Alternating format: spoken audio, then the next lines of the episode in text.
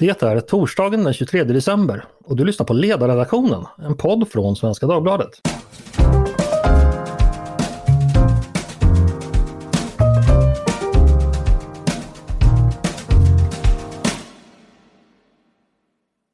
Varmt välkomna så här dagen före dopparedagen, lilla julafton.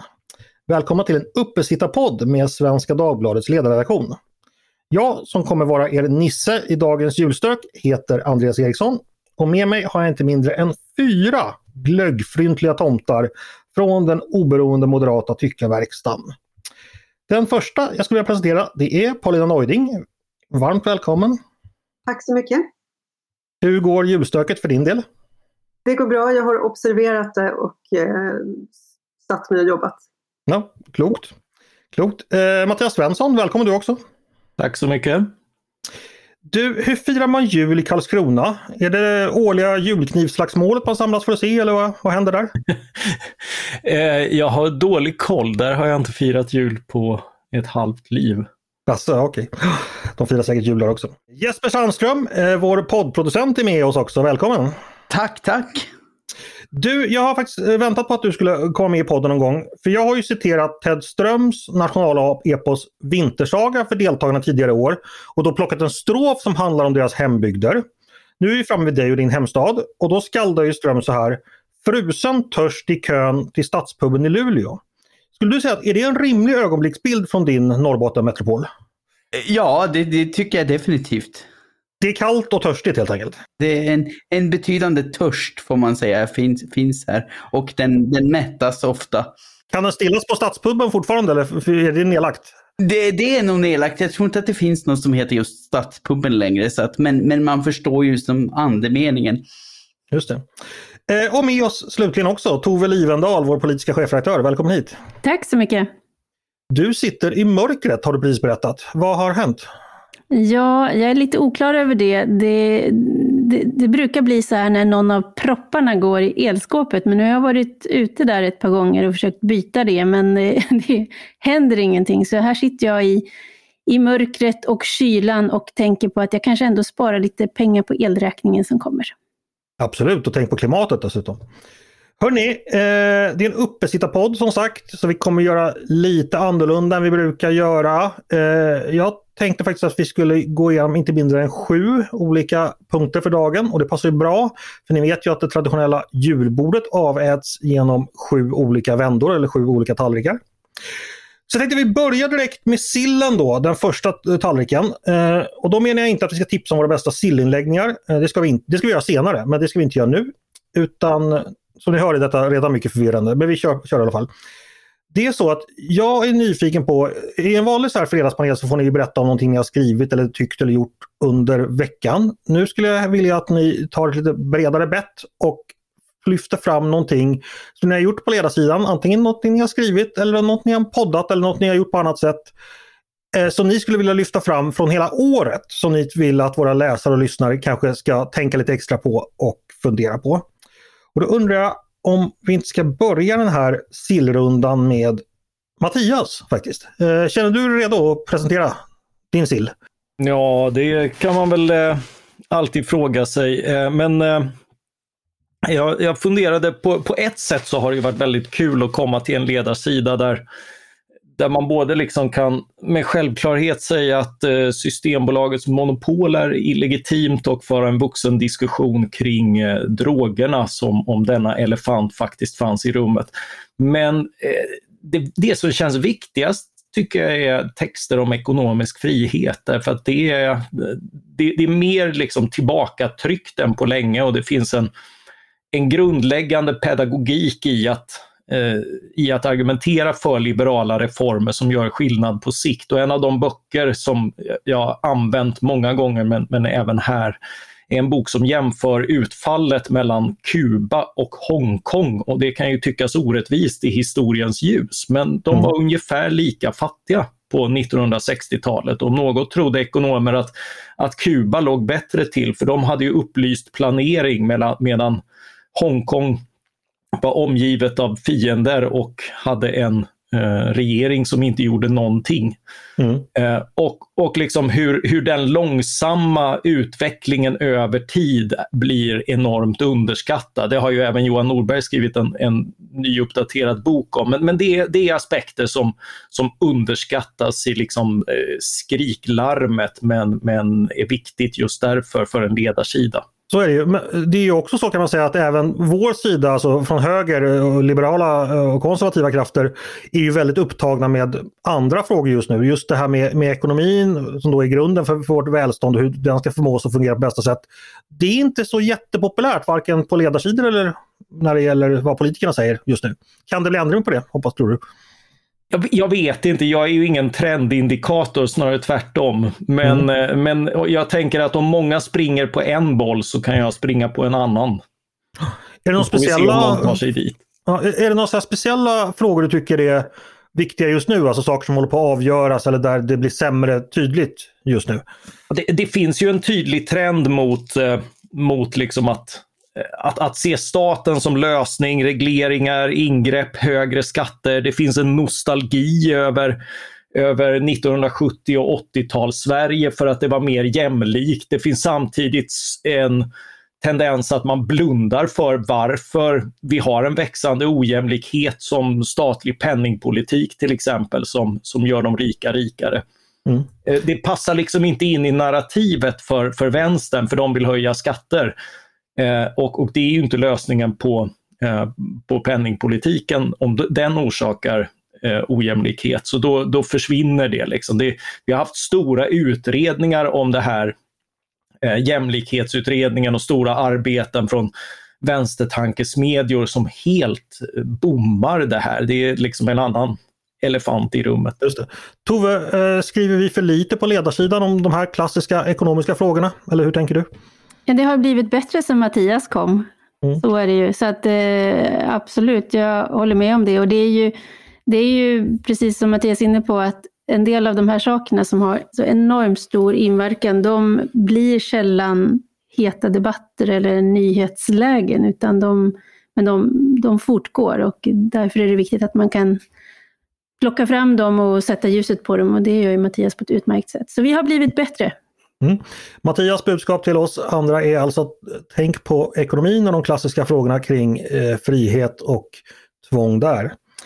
Eh, då hoppar vi vidare till nästa lilla sillaskett och då tänkte jag att eh, Jesper skulle få presentera den. Jesper, vad vill du lyfta från året? Ja, jag vill nog lyfta en text jag skrev i februari. Eh, Vore Sverige bättre utan gruvor? En lång söndagstext tror jag att det var. Ehm, där, där jag ställer mig just den frågan. Därför att det låter ju ibland i debatten om ja, till exempel huruvida vi ska ha nya gruvor eller nya kraftverk eller vad, vad annat för miljöpåverkande verksamhet det månde vara. Som att nej men sån skit ska vi inte ha här, det kan vi, det kan vi importera, det kan vi ställa någonstans där ingen ser det. Och, och jag tror att den hållningen, den hållningen är väldigt destruktiv. Det är väldigt destruktivt att tänka att vi ska försöka minimera påverkan på vår miljö på alla platser. Därför att det kan väldigt lätt leda till en situation där vi i slutändan är beroende av produktion på annat håll där eh, miljöpåverkan är betydligt värre. Och eh, i den här texten då så lyfter jag just fram det, det, att om man nu tycker att gruvor är en så eh, fruktansvärd skamfläck på, på kartan och, och ett sånt sår i miljön. Ja men åk upp till min gamla hemstad och, och titta på det dagbrott vi har där exempelvis. Du får berätta vilken hemstad det är också. Ja, Gällivare är ju det och, och Aitikgruvan. Mm. Eh, och eh, kan, kan man åka, och, eh, om man flyger upp till Gällivare, det får man väl knappt göra nu för tiden, men om man gör det så, så kan man dessutom ha turen att få flyga rakt över dagbrottet. Och kan man se det och samtidigt se all den enorma mängd orörd natur som finns där runt omkring och fortfarande tycka att nej det här är för mycket, det, det, det här ska vi inte ha. Ja, då, då får man tycka det och då får, kan man föra en diskussion om målkonflikter och så vidare. Eh, men men eh, jag, jag har väldigt svårt att tro att folk faktiskt skulle reagera så om de själv åkte dit och Du tittade. tänker att det är ett litet nålstick i denna enorma hav av norrländsk myr och skog, skog och fjällmark. Ja, ja och, och det, är inte, det är inte ens särskilt... Eh, jag har svårt nu, nu. Låt vara att jag liksom går igång på mänsklig utvecklingssträvan och sådär. Men, men jag, jag, tycker snarast att, att det är ett vackert inslag i landskapsbilden mer, mer än ett sår. Mm. Men du får fråga, du skrev den här texten i februari sa du. Det innebär att det har gått snart ett år. Det har ändå hänt lite med diskussionen under året tänker jag. Inte minst den här ledarsidan har ju via Peter Wennblad ibland lyft. Har, har liksom har läget förbättrats så att säga jämfört med februari eller hur tänker du? Ja, det tror jag på sätt och vis ändå att det har. Jag, jag, tror att den här diskussionen förs mer och oftare. Just det här att ja, ja men om vi, om vi ska genomdriva den här gröna omställningen som alla pratar så extatiskt om, då, då kommer vi behöva gruvor, vi kommer behöva energiproduktion. Eh, och och jag, jag, jag, tror det är viktigt att vi som, som ledarsida driver på för just det. För, för att påminna om liksom, vad är det som har skapat vårt välstånd? Vad kan skapa mer välstånd? Och, och vilka målkonflikter finns i det här välståndsskapandet? Hur tar vi tur med dem? Vad säger ni andra? Mattias exempelvis? Ja, det låter ju fint att hänga i Gällivare. Det vore ju ett gruvligt misstag att missa det. Eh, men eh, du håller med Jesper låter jag, jag, jag, håller, jag håller ju med i sakfrågan. Eh, alltså det, det är ju oerhört viktigt att, att kunna eh, se, se liksom de, de totala effekterna. Vi, vi kommer aldrig att lösa klimat eller miljöproblematik genom att lägga ner eh, välståndsproduktion. Utan, utan det är tvärtom bättre att, eh, att utveckla den ordentligt där, där möjligheterna finns. Eh, mm. Och, det tycker jag att, att eh, svensk gruvdrift ändå är ett exempel på. Utmärkt. Eh, tack för det Jesper. Eh, vi går vidare på buffén. Jag tänkte höra med Paulina, vad vill du lyfta av? Har du gjort någonting spännande i år som har märkts av i medierna på något sätt? Sådär, eller? Jag har ju kommit tillbaka hit till ledarsidan. Det har ja, varit, just det. Det är sant. Ja. Det har varit väldigt trevligt. Um, nej men det, det, här med feminism, kvinnors rättigheter, eh, sexuellt våld är ju någonting, det är någonting som verkligen har intresserat mig under hela mitt eh, liv som skribent. Och jag var liksom liberal feminist en gång i tidernas begynnelse. Eh, och sen så har jag kanske rört mig i en lite annan riktning. Men jag är fortfarande väldigt intresserad av den här frågan och då har jag fått undersöka den i flera artiklar eh, under sommaren. Jag intervjuade Ayan Hirsi Ali om hennes nya bok som heter Villebråd som handlar om eh, övergrepp på kvinnor i offentligheten som en effekt av migrationsvågen.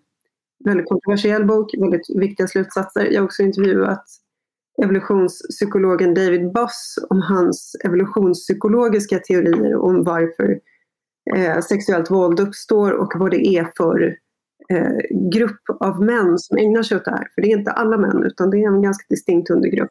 Din intervju med Jan Hirsi Ali finns för övrigt också i poddformat som man kan lyssna på om man vill. Precis, mm. jag intervjuade henne i Ledarpodden och hon intervjuade mig sen i sin podd om närliggande frågor. Så att vi har pratat mycket om det. Och mm. sen så gjorde jag en tredje intervju som ligger mig väldigt varmt om hjärtat och det var med Elise Lindqvist, ängen på Malmskillnadsgatan som är mm. 86 år gammal dam som står på Malmskillnadsgatan varje, eh, varje helg, fortfarande vid 86 års ålder, hela natten och hjälper de prostituerade kvinnorna där. Och vi mm. hade ett samtal om hur hon blev, eh, hon var narkoman, hon var själv prostituerad och levde ett väldigt trasigt liv och sen så blev hon frälst. Hon mötte Jesus och bestämde sig för att då förlåta sina förövare och genom den förlåtelsen så blev hon liksom kapabel att, att ge sig ut och hjälpa andra och hon har hjälpt väldigt, väldigt många genom åren. Det var väldigt speciellt att prata med Elise och det var väldigt speciellt att läsa mejlen från människor efteråt. Jag, jag mm. fick mejl av en äldre herre som berättade att han läste och grät och, och liksom alla möjliga. Det, det, var väldigt, väldigt rörande. Jag har sparat dem i en liten mapp. Mm. Jag har ju själv intervjuat henne för en del år sedan och när hon just berättade om eh, mötet med Gud och, och eh, hur det då förändrade hennes liv. Det, det var väldigt, eh, även jag som är liksom en väldigt sekulär surpuppa. Då blev jag väldigt tagen av den berättelsen och hennes vittnesmål faktiskt. Så att, eh, det är verkligen en fantastisk människa. Paulina, får jag fråga, eh, reaktionerna i övrigt när du skriver om eh, våld mot kvinnor och då, du, som du säger då, det var en kontroversiell bok som eh, Hirsi Ali har skrivit. Eh, är, håller folk med dig eller är de sura på dig? Vad, vad blir reaktionerna oftast? Ja, men det är det som är så intressant. Att vi pratar ju så väldigt mycket om feminism och, och sådär. Som, som etikett är den väldigt viktig. Men sen så kommer en sån här bok, en sån här brandfackla. Liksom. Här, här finns det en sten vi behöver titta under. Mm. Och då är det antingen att hon är rasist eller så bara tiger man. Mm.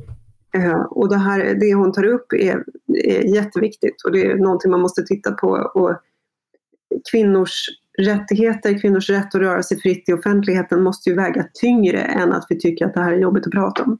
Mm. Så, Tack så mycket för det Paulina. Eh, då har vi bara kvar vår politiska chefredaktör. Tove, vad vill du ta med dig från året eh, som du tycker är viktigt att läsare och lyssnare har med sig in i 2022?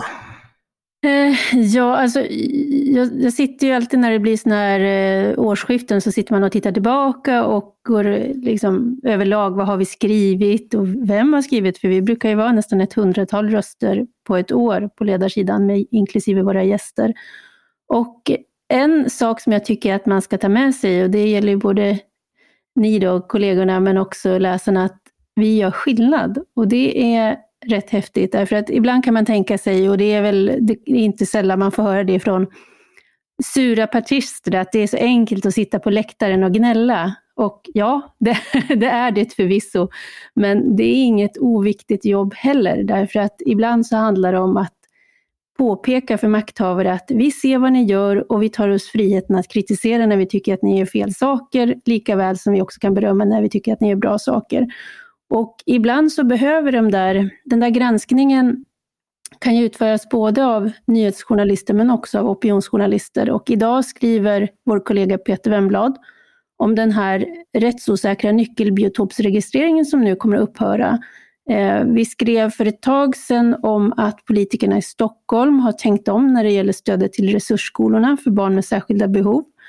Eh, och på juldagen så kommer vi att skriva om eh, Strömsunds kommun som har också tänkt om när det gäller biblioteket. Och ibland så är rollen faktiskt att påpeka vad som händer. Det är ju inte vi som gör det faktiska jobbet, men vi kan bidra på marginalen. Och det mm. tycker jag är en otroligt häftig känsla. Det ger mening åt det här jobbet på ett sätt som är fantastiskt. Hör ni det ni andra? Vi gnäller inte bara, vi gör faktiskt skillnad. Eh, känner du det så Mattias? Jag gnäller väl mest. Okay. Eh, men eh, men vi, vi kan väl hoppas att, att det också gör skillnad så småningom. Jag har ju bara varit här sedan i februari. Så Ja, men du har gjort skillnad. Jesper, du är en glad fyr. Du gnäller inte så ofta. Alltså, alltså jag, jag gnäller ju men jag försöker göra det med, med liksom en munter, klämkäck stämma. Jag, är, jag är ju arg och, arg och glad samtidigt. Mm. Paulina, får jag fråga dig? Du är ju ofta, jag har ju känt och jobbat med dig i, i många år och vet ju, har följt din karriär och du har ju ofta varit en konträr röst som ofta har varit först ute i frågor, eh, sen har andra följt med. Känner du att du gör skillnad?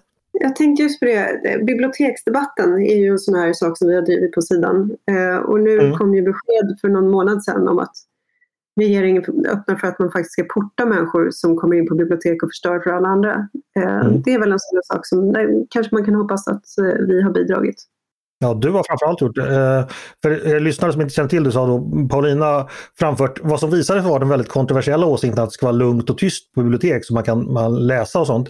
Och möttes då bland annat av Stockholms stads bibliotekarie som förklarade att eh, man ska utmana tysthetsnormen eller vad. Det var mycket egendomligt. Du tog också debatt med vårt kulturborgarråd här i Stockholm också vill jag minnas i minnesvärt i, i tv.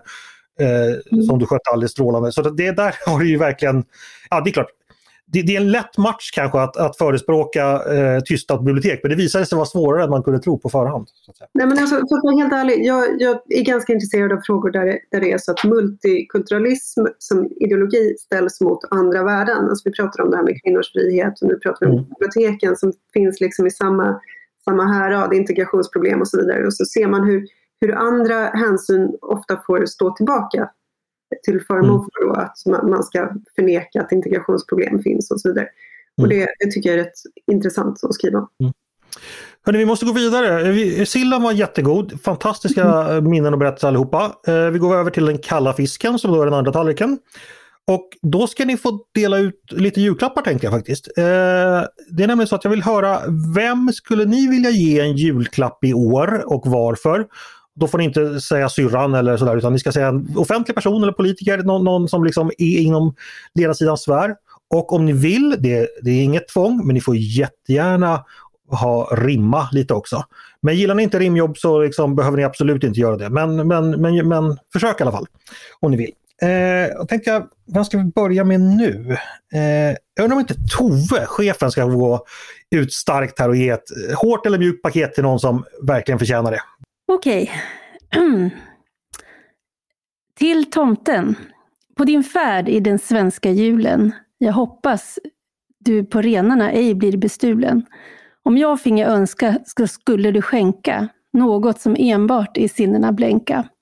Varken bling eller bok eller halsduk i tweed. Vad jag önskar ge är en stunds sinnesfrid. Till Mattias, Andreas och Paulina, Maria och Peter, Olof och Jesper. Det är namnen på kollegorna mina som jag önskar en stund i frid när som vesper sänker sig ner över stad och land och låter allt vila, både hjärna och hand. För nu tar vi paus från morgonrevelj. Dröj kvar i sängen. God helg, god helg. Åh, oh, vad fint! Underbart Tove! Fantastiskt! Och den här skaldade du bara fritt i sinnet äh, av det. Otroligt fint! Jag är djupt rörd och jag är övertygad om att jag talar för oss alla att visst, visst var det fint hörni? Mycket. Mm. Och att Jesper, du, du fick alltså ett rim på Vesper, det var ju fantastiskt. ja. Det, det, här påminner mig nästan när, när jag gav julklappar på magasinet Neo och rimmade Ivar Arpi på att han skulle få, eh, det var någonting med en damm fullt med karpi. Eller något det är ju Blå Tåget-klass på det rimmet. ja, ja, fast det, det, är inte i närheten av Toves. För någonting. Jättefint! Eh, to, det är alltså då tomten som ger, ger till oss alla. Eh, ja, vi, får väl vara, vi är väl i alla fall semi-offentliga personer. Så. Stort tack för den Tove! Eh, då går vi vidare till eh, Jesper. Eh, och nu är det hårda, hårda krav här. Hö, hög nivå ja. på rimmandet alltså. Mm, ja, hög. Ja, jo, hög. Det blir väldigt hög nivå faktiskt. Bokstavligt talat. det, det, är en julklapp, det är tre julklappar, eller samma julklapp till tre personer till socialminister Lena Hallengren, energi och digitaliseringsminister Khashayar Farmanbar samt till klimat och miljöminister Annika Strandhäll. Så då, då kommer eh, rimet här då.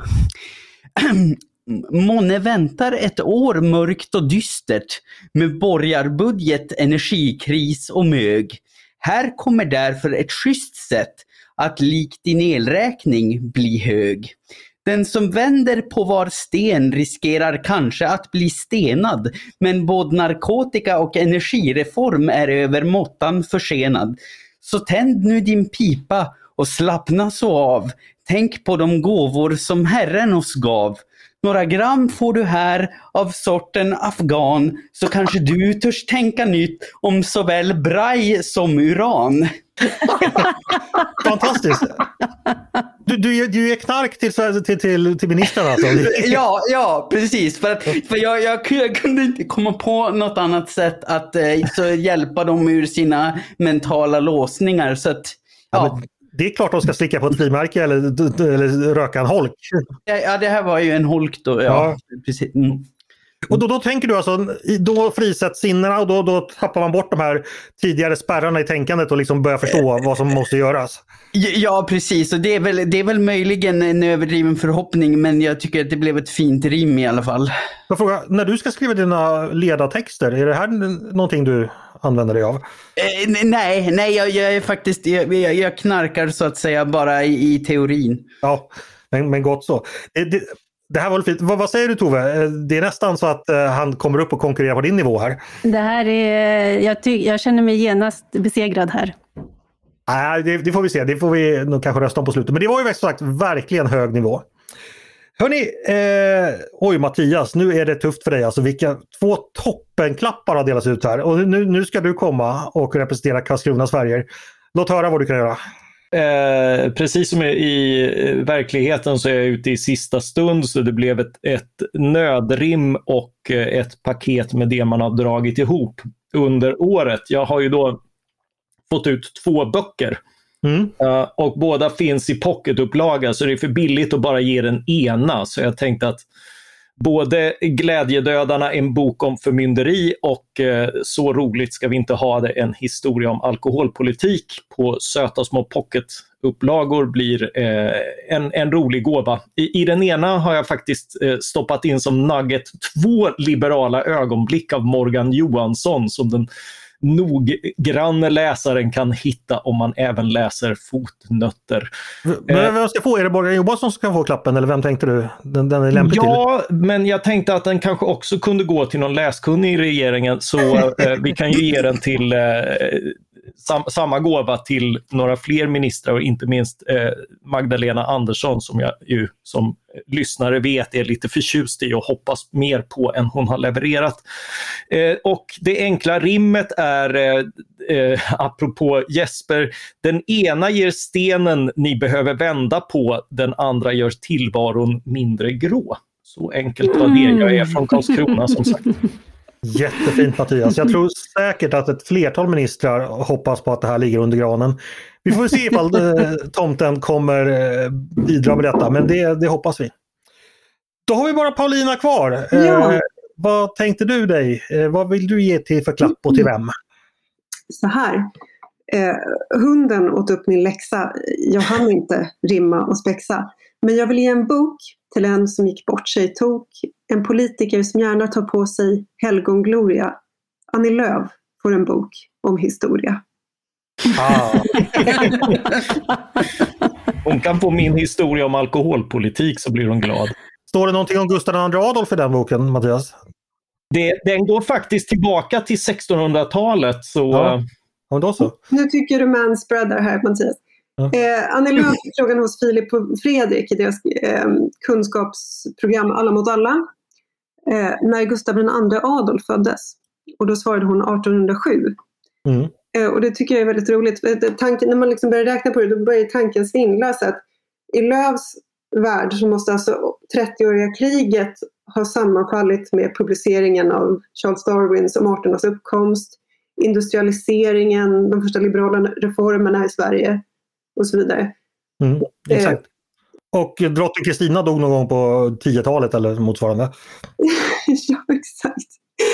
Mm. Um, Ja. Paulina, det här kanske inte du vet, men vi tog upp det här i podden förra veckan. Och då testade jag faktiskt redaktionens egna historiekunskaper. Mm. Och, eh, testa de ville... mig, testa mig. Eh, du kan få samma frågor som dem. Eh, när är Annie Lööf född? 1986. Nej, 1983. Oh. Vilket år är Sankt Nikolaus född? Han som är förebilden för vår jultomte. Ja, men sluta nu, 1054. Ja, du har faktiskt, ja, 1054 kan du för att det var då kyrkorna skildes åt. Faktum är att du var närmast. Jag tror Mattias ville placera Sankt Nikolaus någon gång i slutet på 1890-talet. Svaret är då att han är född 270 i mindre Asien i rom romerska riket. Men fantastiskt hörni. Eh, vilka, vilka, vilka rimmar ni är alltså. Det, det känns som ni är jättevana med, med, med rimning. Alltså. Jätteduktigt. Hörni, eh, vi går vidare och nu ska vi då till det kallskurna, den tredje tallriken. Eh, har ni några favoriter där? Det är nu julskinkan kommer och syltor och sånt där. Nu vill jag ha, jag sa ju kallskuret, men jag vill ha heta minnen nu. Jag vill ha julminnen. Och då undrar jag så här, har det ett julminne som har så att säga med vårt jobb att göra? Det vill säga politik, media och offentlighet. Eh, typ som en inspel, alltså julen då jag insåg att jag var liberal eller julen jag insåg att Eh, den julen när Ceausescu, eller revolutionen i Rumänien, då blev jag medveten om att det fanns en värld ute. Någonting sånt. Eh, lite krystad fråga men jag är helt övertygad om att ni kan fylla på den utmärkt. Eh, och den här gången undrar jag om inte Jesper ska, ska börja med ett minne. Ja, det var, det var illa valt för att, för att jag, jag har faktiskt inget politiskt julminne så konkret. Jag, jag tänkte kring det där och tänkte på det att julen är ofta den tid som, liksom hela året så bara tycker jag och tycker en massa grejer och är arg på internet. Och, och när julen då väl kommer så är jag så trött så jag går, går och gömmer mig och är inte lika eh, ilsk. Men, eh, men, men det jag ofta tänker på på jul eh, och som är, som är det, min mest politiska upplevelse kopplad till jul, det är just det här att julen är inte vad den en gång var. Det, det, en gång var den... Ja, men, men, vänta nu, vänta nu. Det, det är, ett, det är ett, ett muntert en munter reflektion faktiskt. Den är inte vad den en gång var. Och det, det brukar vissa lite surmagat säga då att ja, men jo förr i tiden då, då hade vi det här överflödet och de här festligheterna ett fåtal gånger om året. Då var julen något speciellt. Men nu har vi det här överflödet nästan konstant. Nu kan vi ge varandra gåvor stup i kvarten och vi kan äta mat som är för den delen ännu godare än julmaten nästan vilken dag på året vi vill, många av oss. Och, och det, det tycker jag är väldigt viktigt att tänka på. Liksom den, den här känslan av tacksamhet som man, man väl ska uppbåda i jul. Att försöka ha med sig den under större delar av året och tänka på att ja, vad, vad har fört oss till det samhälle där julen inte är så himla speciell längre? Och är inte det ganska fantastiskt att få leva i ett sådant samhälle? Mycket, mycket vackert tänkt. Eh, eh, ett julminne om något. Jättebra Jesper. Mattias, eh, du har ju levt i, många jular, varav hälften i Karlskrona. Vad, vad har du för minnen som har så att säga med jobbet att göra? Jo, men jag har ett väldigt eh, kärt och det är ju, julen handlar ju som, eh, som vi alla vet om en, om en tjock skäggig farbror eh, och då talar jag om Edvard Blom. Eh, och eh, inför en jul så skrev jag i hemtidningen Blekinge Lanes tidning eh, om just Edvard Blom på eh, julafton om att just liksom vi behöver den typen av av glädjespridare, inte bara för hans julentusiasm utan för hans den, den, entusiasmen tar ju folk, i Sverige tar vi lätt, liksom, om, om, om en kvinna är snygg så, så är hon dum. Eh, mm. enligt eh, liksom den här distinktionen. Och på samma sätt, om en man är glad så är han dum.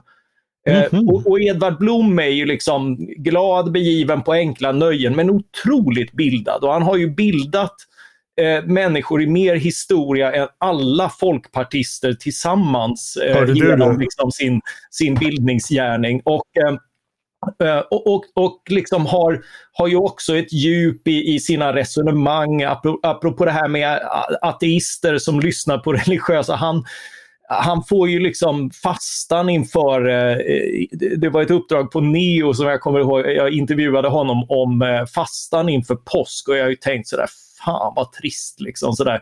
Men han fick ju det också att, att verka meningsfullt och gav liksom perspektivet att liksom, om, om du avstår från någonting så lär du dig ju också att sätta värde på det och att, att mm. liksom välja den vägen. Det handlar förstås inte liksom om att om att svälta sig utan om att avstå från olika andra saker. Fasta tänker jag annars på, på liksom det här att bara dricka och dricka fruktjuicer och bli dålig i magen och få dålig andedräkt och sånt där hemskt för att gå ner i vikt. Eh, men, men, men det var ju inte alls vad det handlade om. Eh, nej, så nej. jag tycker att han, han bidrar liksom med en sån med djup och bildning och, och liksom, eh, normbryteri som, som vi liksom brukar posera om, men på det här positiva, gedigna, genuina sättet. Och på det sättet så, så är han liksom en, Eh, en inspiratör. Det här eh, skrev jag på julen för något år sedan och sen var jag ute och sprang min vanliga julrunda för att få upp julbordsaptiten ordentligt och, och då trillade det in ett, eh, ett, ett glatt meddelande på Twitter om att Edvard hade läst och var väldigt glad och, och rörd över, över de här orden. Så de gick fram också till den det berörde, så det tyckte jag var extra fint. Väldigt fint. Eh, otroligt fint minne. Eh, det är bara passagen där om folkpartism som redaktionen givetvis tar avstånd ifrån. Men, men annars... Som redaktionens folkpartist. Eh, det är jag som är redaktionen och det är jag som är folkpartist. Så, att, eh, så är det. Eh, ja, och eh, hoppas Edvard kanske också lyssnar på det här då. För som sagt, en stor folkbildare är han. kanske inte i klass med, med de bästa folkpartisterna, men, men dock. men dock. Eh, ja, då är det Toves tur. Vad, vad har du något sådant minne du skulle vilja delge som du har varit med om på julen som har så att säga med det vi sysslar med att göra? Ja, det har jag och det fyller nog, jag försökte hitta årtalet. Eh, det är inte när, när någon kung föddes, men det är 20 år gammalt i alla fall. Och eh, det var eh, en julfest som jag var med och ordnade i Gimo på flyktingförläggningen. Och mm. det var, jag hade varit där på studiebesök tillsammans med bland andra Merit Wager. Vi, vi var på den tiden en liten patrull kan man säga som reste runt, runt på landets flyktingförläggningar och eh, tittade på hur de fungerade och försökte förstå den svenska flyktingpolitiken från det hållet. Och, eh, sen så opinionsbildade vi kring det och det fanns också politiker med, så de försökte naturligtvis också förändra politiskt. Men där eh, lärde jag känna flera familjer och eh, vi bestämde oss att vi skulle försöka ordna en julfest. Så det gjorde vi och det blev väldigt mysigt. Men för att få ihop pengar till det så samlade vi in då eh, från allmänheten. Men jag satt då också som ersättare i Uppsala kommunfullmäktige och när vi hade vårt Lucia-sammanträde så passade jag på under julfikat att gå runt och be att de skulle ge en del av sitt sammanträdesarvode till den här julfesten ute i Gimo. Mm -hmm. Då mhm uppstod det ett fantastiskt grupptryck, så när någon gav i bordet så kunde de andra inte låta bli, så vi fick in väldigt mycket pengar den eh, gången och jag tänkte att det var ett fint sätt att lära politikerna att det förvisso är härligt att ge bort av andras pengar, men ännu desto bättre att ge av sina egna. Att det är häftigt att betala skatt helt enkelt? Ja, det är ännu häftigare att det, det, det, det är saligare att giva av egna medel än av andras. Ja. Blev det en lyckad fest?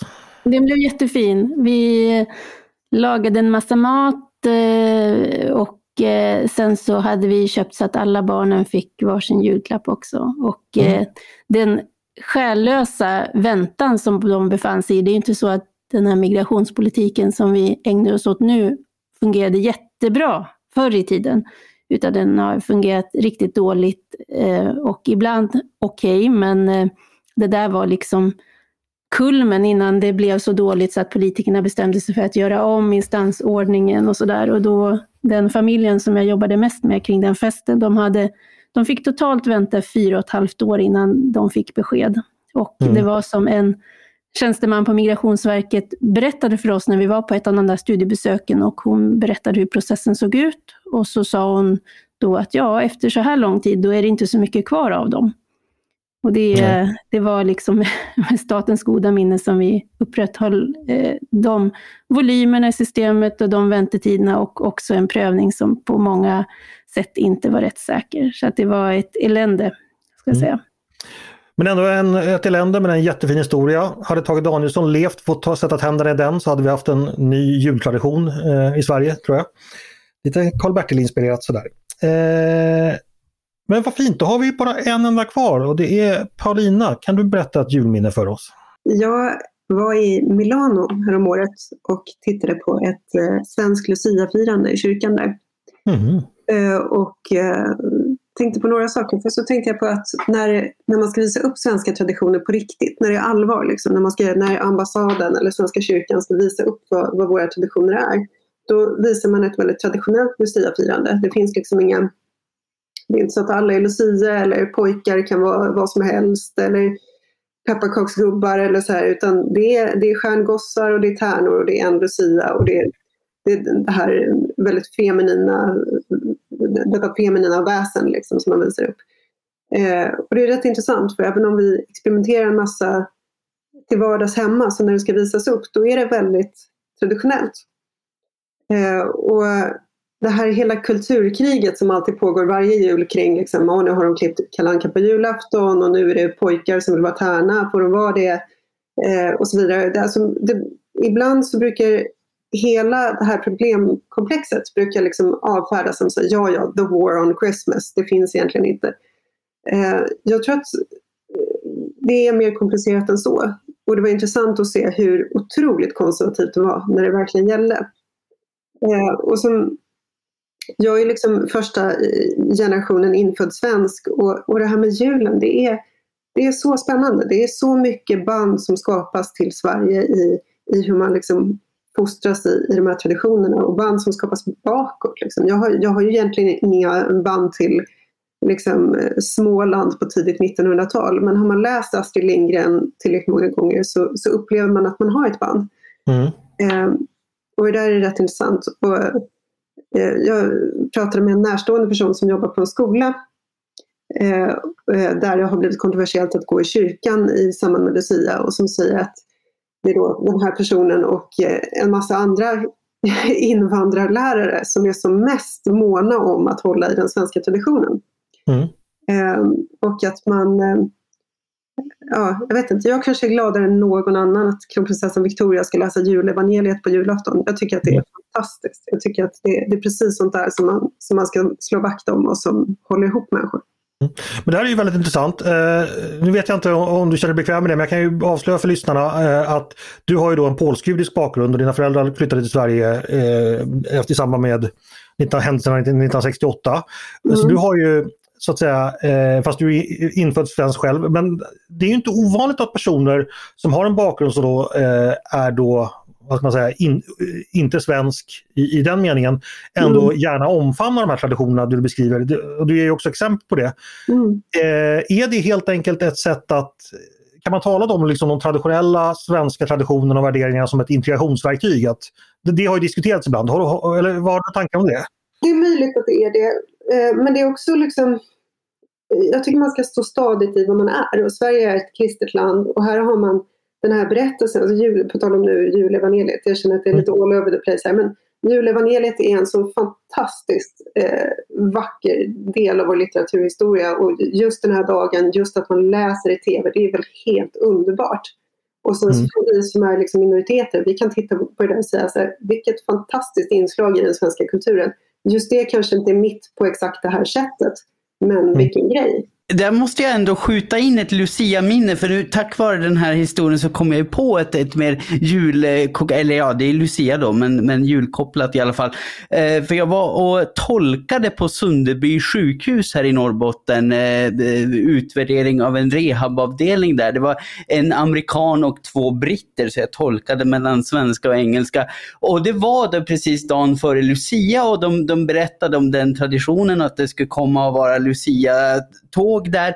Och då, då tyckte en av de utrikesbesökarna att ja men är inte det lite kontroversiellt att, liksom, att ha ett så religiöst eh, evenemang på, på ett, ett sjukhus, att de som inte vill delta i det då. Och då brast den brummande amerikanen ut i ett rungande skratt och sa att nej men det här är ju Sverige, här är ju inte ens prästerna särskilt religiösa. Eh, och, och, och, och det, det, tycker jag ändå säger någonting för att ja visst, det har ju en religiös Eh, koppling men det har ju antagit en tämligen sekulär form på många sätt och vis. Ja, mm. men det är ändå fortfarande det här liksom det, Lucia är ju en ung flicka som kommer med ljuset. Det är inte mm. en skallig manlig mellanchef i 50-årsåldern som kommer med ljuset. Utan nej, nej, nej, visst. visst vi, vi, Sen kan vi låtsas att det är två exakt likadana saker, men det är liksom Nej, nej, det är inte det och det är ingen som tycker det. Så, ja, ja, nej, men det var... ja, jättefint hörni. Eh, då är vi klara med detta och går över till det småvarma, den fjärde tallriken. Men det är ju inget smått över våra gäster idag. Det är nämligen så att vi har eh, vi är ju visserligen då en oberoende moderat ledarsida, men vi har med oss två tämligen tunga beroende moderater eh, som har lovat att komma och svara på lite frågor om julen. Och eh, den första är faktiskt eh, Gunnar Hökmark. Välkommen Gunnar! Äntligen! Ja, jag vet, du har suttit och väntat. Men du Gunnar, eh, nu när vi har det här, vi är alla nyfikna på hur firar man egentligen en riktig frihetlig jul skulle du säga? Jag ska ge ett litet tips. Eh, jag kom med en bok tidigare i år om eh, måndagsrörelsen och hur vi befriade Baltikum.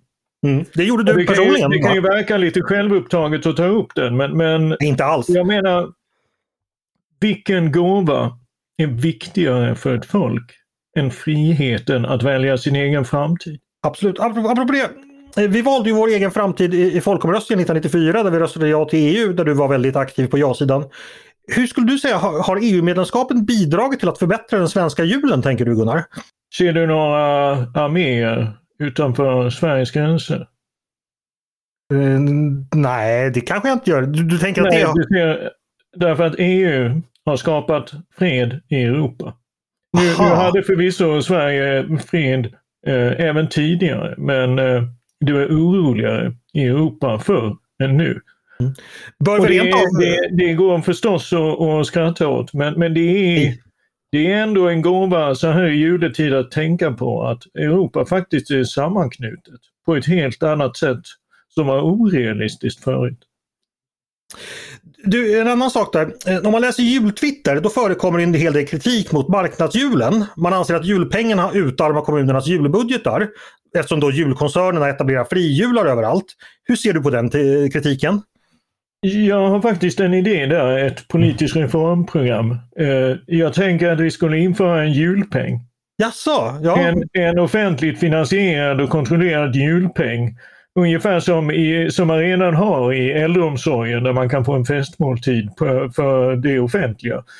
Eh, som garanteras alla och sen, eh, och sen så får man välja. Man ska kunna ta den här julpengen och flytta den eh, som man vill, även till privata företag eller till en ideell aktör. Man kan gå till Frälsningsarmén eller, eller vad man vill. Eh, och då, då skulle vi få det som det svenska skolpengssystemet. Och, och, min, min poäng är här lite grann att det kanske inte är så mycket marknad.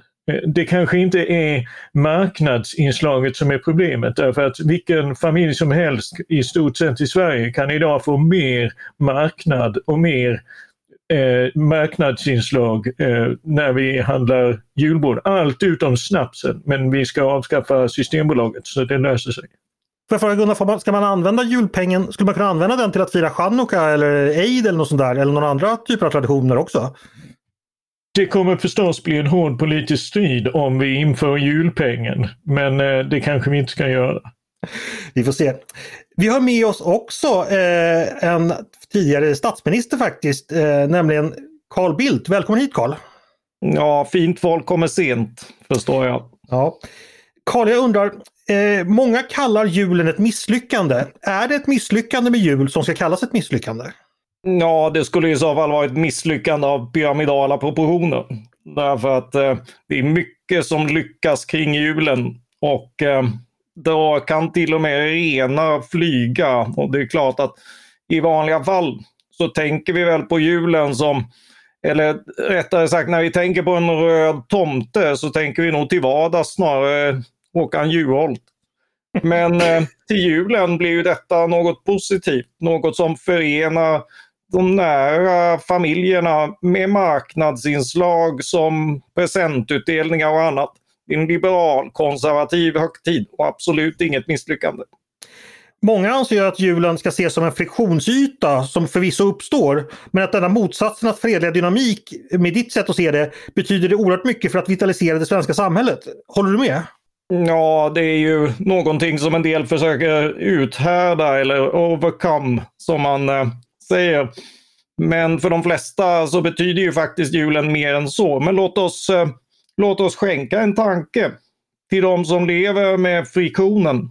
De som lever med utsattheten, de som behöver en hand att hålla och kanske till och med en folkpartist som sjunger för dem. Det finns hjälp för dem också.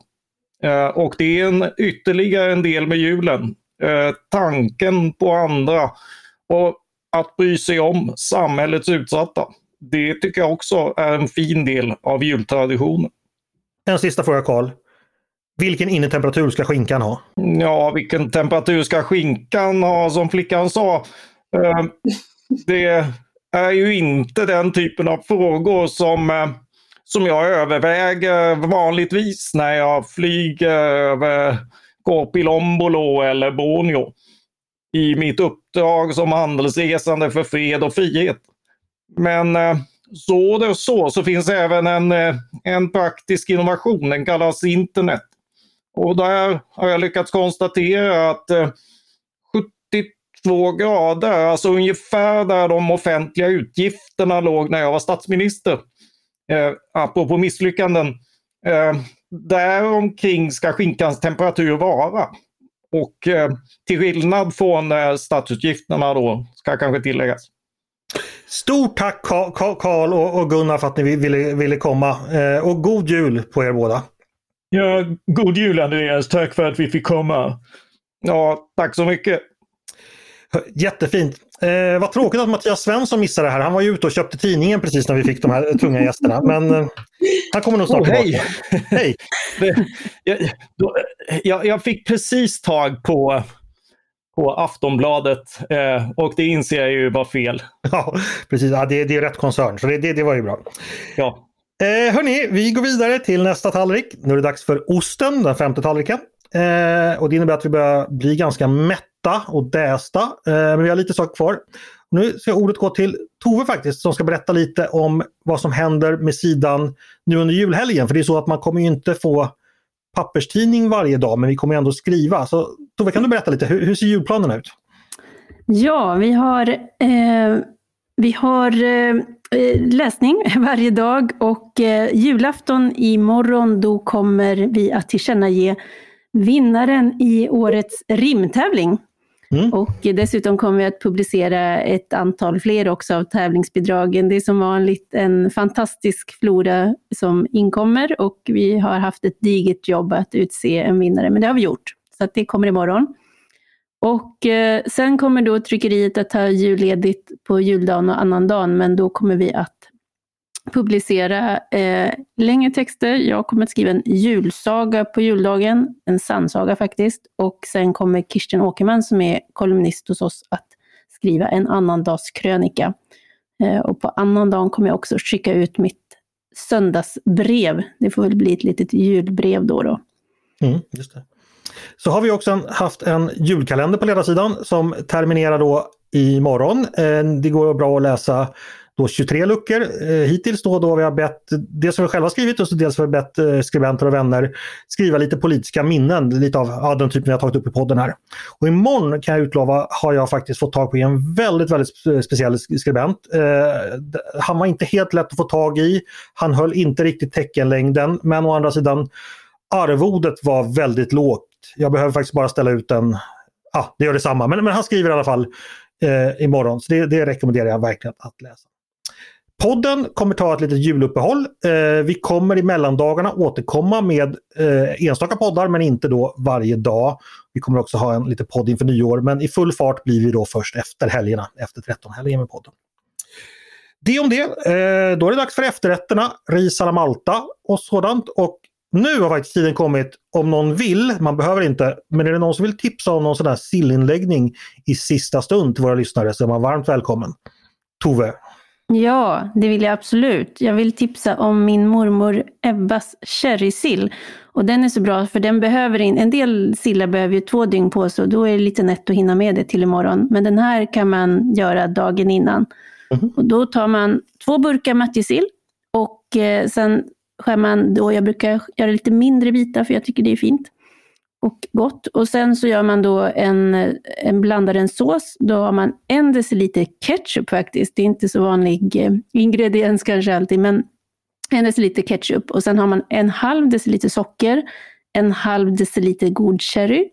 Man tar en halv tesked mortlad vitpeppar, en halv tesked salt, en deciliter matolja och sen hackar man ner en liten rödlök och lite färsk dill. Och så blandar man det så att det blir en fin sås. Och så lägger man ner sillen och eh, efter någon dag så är detta färdigt att njuta. Och då använder man sån här färdig fem minuters sill förslagsvis eller? Nej, det är matjessill man använder till denna. Okay. Mm. Jättefint! Eh, ett tips för er som inte har riktigt fullt med sill på, på julbordet. Jag har redan överfullt och min hustru har sagt åt mig att jag inte får göra fler så att jag kan tyvärr inte ta vara på detta tips. Någon annan som har, har, har något sill eller övrigt litet julstökstips i sista minuten. Marknaden löser problemet. Ja. Och jag är ju redaktionens tvångsmässige konträr, så jag måste ju säga det att man, man måste ju inte göra som alla andra gör, utan alltid i juletid så, så tänker jag på den gång för åtta år sedan är det väl nu då min eh, nyzeeländske chef hade anställt mig för första året och då sa hans dåvarande fru att ja, nu har du en anställd så nu måste du bjuda på julbord. Och Eh, det här tyckte han ju var lite apart, eh, utlänning som han är. Eh, så han gick ju igenom alternativen men så ringde han mig strax före jul och sa att nej hörru du, jag tänker inte betala flera hundra kronor för att du och jag ska få sitta och plåga oss igenom en buffé av havets råttor. Och det här låter lite elakt men vi är båda två ilskna motståndare till sill. Det här har lett till svåra konflikter mellan mig och chefredaktör Livendal genom åren ska sägas. Men det han gjorde då, eh, vi vände oss till marknaden och gick istället och köpte oss varsin julhamburgare av bästa klass i anslutning till Luleå tekniska universitet. Och eh, det är en fa fantastisk tradition som fyller mig med värme varje år när jag tänker tillbaka på hur den etablerades. Är det i alla fall lite rödbetssallad på den kanske? Tyvärr, vi, vi kanske borde testa. Vi har aldrig tagit oss dit ännu. Men... Varför inte? Jättefint hörni. Eh, men då så, då har vi faktiskt bara en uh, liten tallrik kvar och då är det då julgodiset. Och vad kan vara godare än att önska varandra god jul helt enkelt. God jul Mattias! God jul Andreas! God jul Paulina! God jul Andreas! God jul Jesper! God jul Andreas! God jul Tove! God jul kära redaktör! Och eh, förstås till er som har lyssnat eh, så säger vi så här att eh, från oss alla till er, Till alla, er alla. önskar vi en riktigt, riktigt, Riktigt god jul. god jul. jul. Det var synkroniserat det Det där. blev säkert jätteosynkat. Ja. Vi tonar den istället. Ni har lyssnat på Ledarredaktionens uppesittarpodd. En uppesittarpodd från Svenska Dagbladet. Varmt välkomna att höra av er till oss på redaktionen med tankar och synpunkter eller sillrecept på det vi precis har diskuterat. Eller om ni har idéer och förslag på vad vi borde ta upp i framtiden. Maila då bara till ledarsidan snabel svd.se. Dagens producent, han heter Jesper Sandström. Jag heter Andreas Eriksson och jag hoppas att vi hörs igen snart. God jul!